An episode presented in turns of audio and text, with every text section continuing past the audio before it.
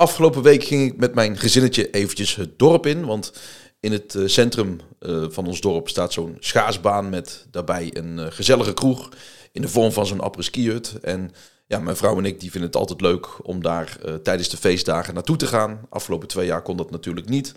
Ehm, ja, en het is daar gewoon altijd gewoon super gezellig. Gezellig eten en drinken, leuke mensen. En toen we daarvan terugliepen, uh, ja, liepen we langs uh, zo'n winkel waar ze uh, allerlei accessoires en gadgets voor je smartphone uh, verkopen.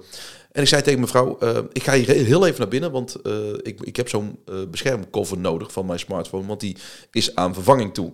Nou, en die verkoper en tevens eigenaar van die winkel, die was op dat moment bezig met een jong gezin te helpen, waarvan de oudste uh, dochter van uh, haar vader uh, enorm aan twijfelen was welke smartphone cover ze wilde.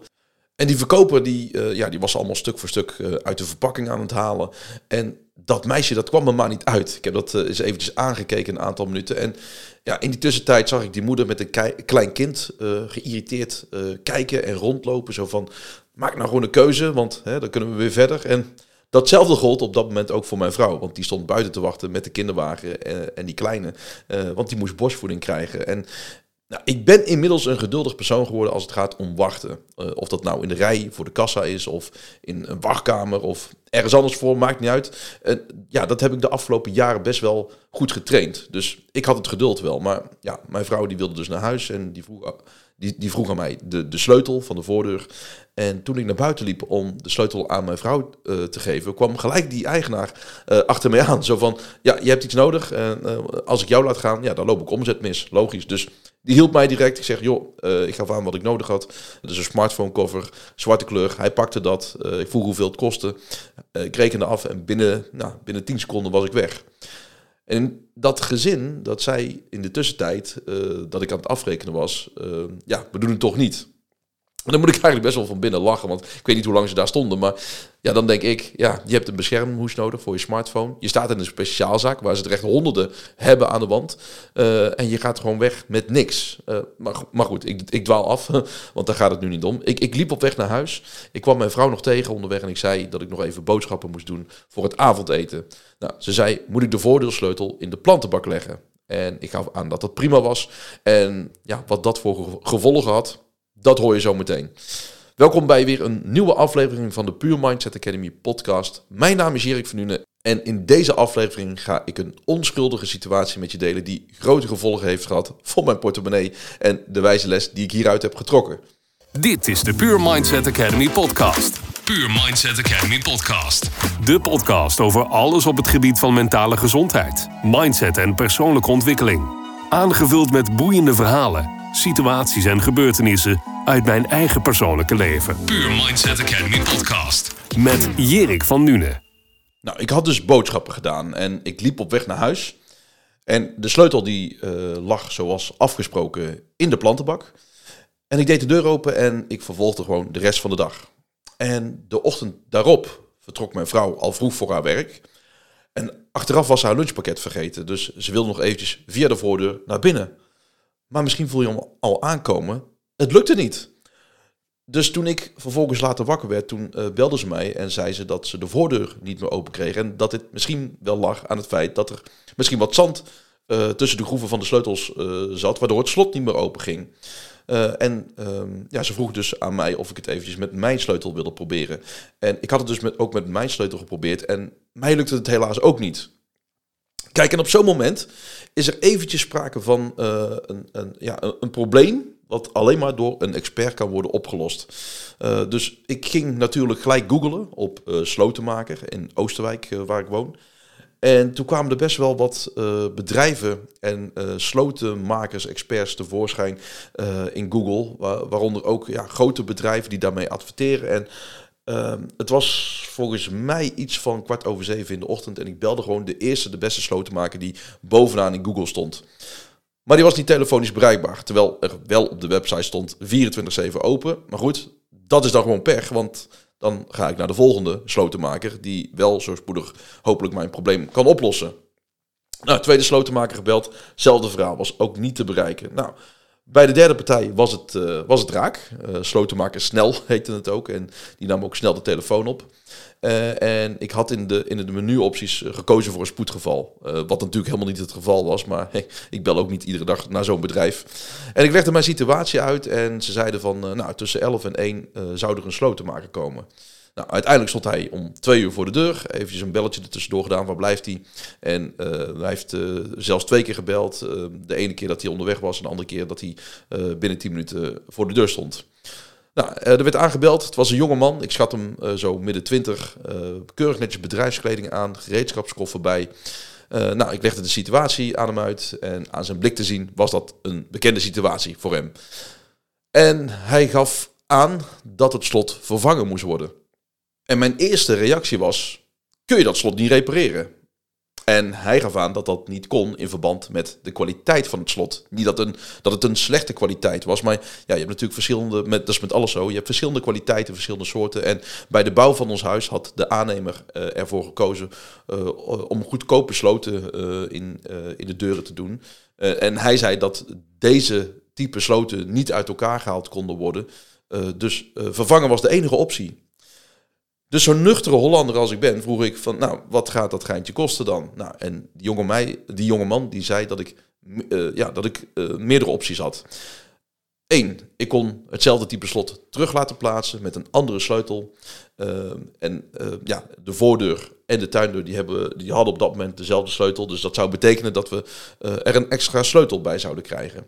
Nou, de tweede optie was zowel het slot van de voordeur als het slot van de tuindeur uh, die uh, konden vervangen worden. Zodat we dan gewoon een nieuwe uh, sleutel zouden krijgen in plaats van de oude.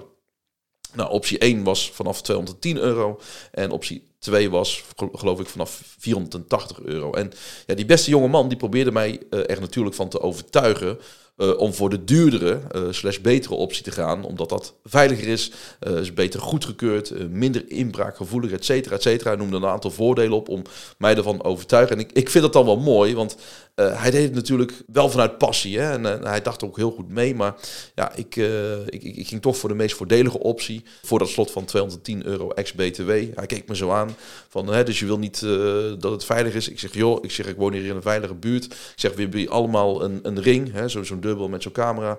Dus uh, ik zeg, daar maak me niet zo snel druk over. Oké, prima, jouw keus. Uh, en ik zeg, ja, het is al best wel een rip uit mijn lijf. En het is gewoon heel veel geld voor heel veel mensen. Maar goed, ik ben er nog niet.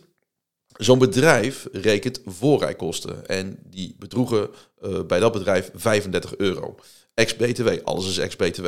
En als klap op de vuurpijl betaal je natuurlijk ook het, het starttarief, het, het, uurtarief, uh, diagnose uh, noemen ze dat, van zo'n expert. Hè. Hij kijkt naar het probleem, uh, hè, hij doet onderzoek.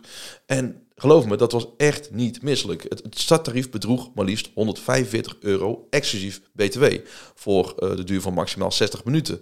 En ja, het is, het is echt bizar als je erover na gaat denken. En ik vroeg, nou, hoe lang ben je hiermee bezig? Hij gaf er niet direct antwoord op. Uh, ik zei, nou, volgens mij ben je hier geen uur mee bezig. En dat bleek uh, achteraf ook, want hij haalde uit zijn auto een nieuw slot. En het was gewoon een kwestie van het oude slot eruit, wat hij al had gedaan. Het nieuwe erin en klaar is Kees. En al met al heeft de hele reparatie slash montage en, en de vervanging van het oude naar het nieuwe slot... alles bij elkaar, ik denk nog geen 10 minuten geduurd.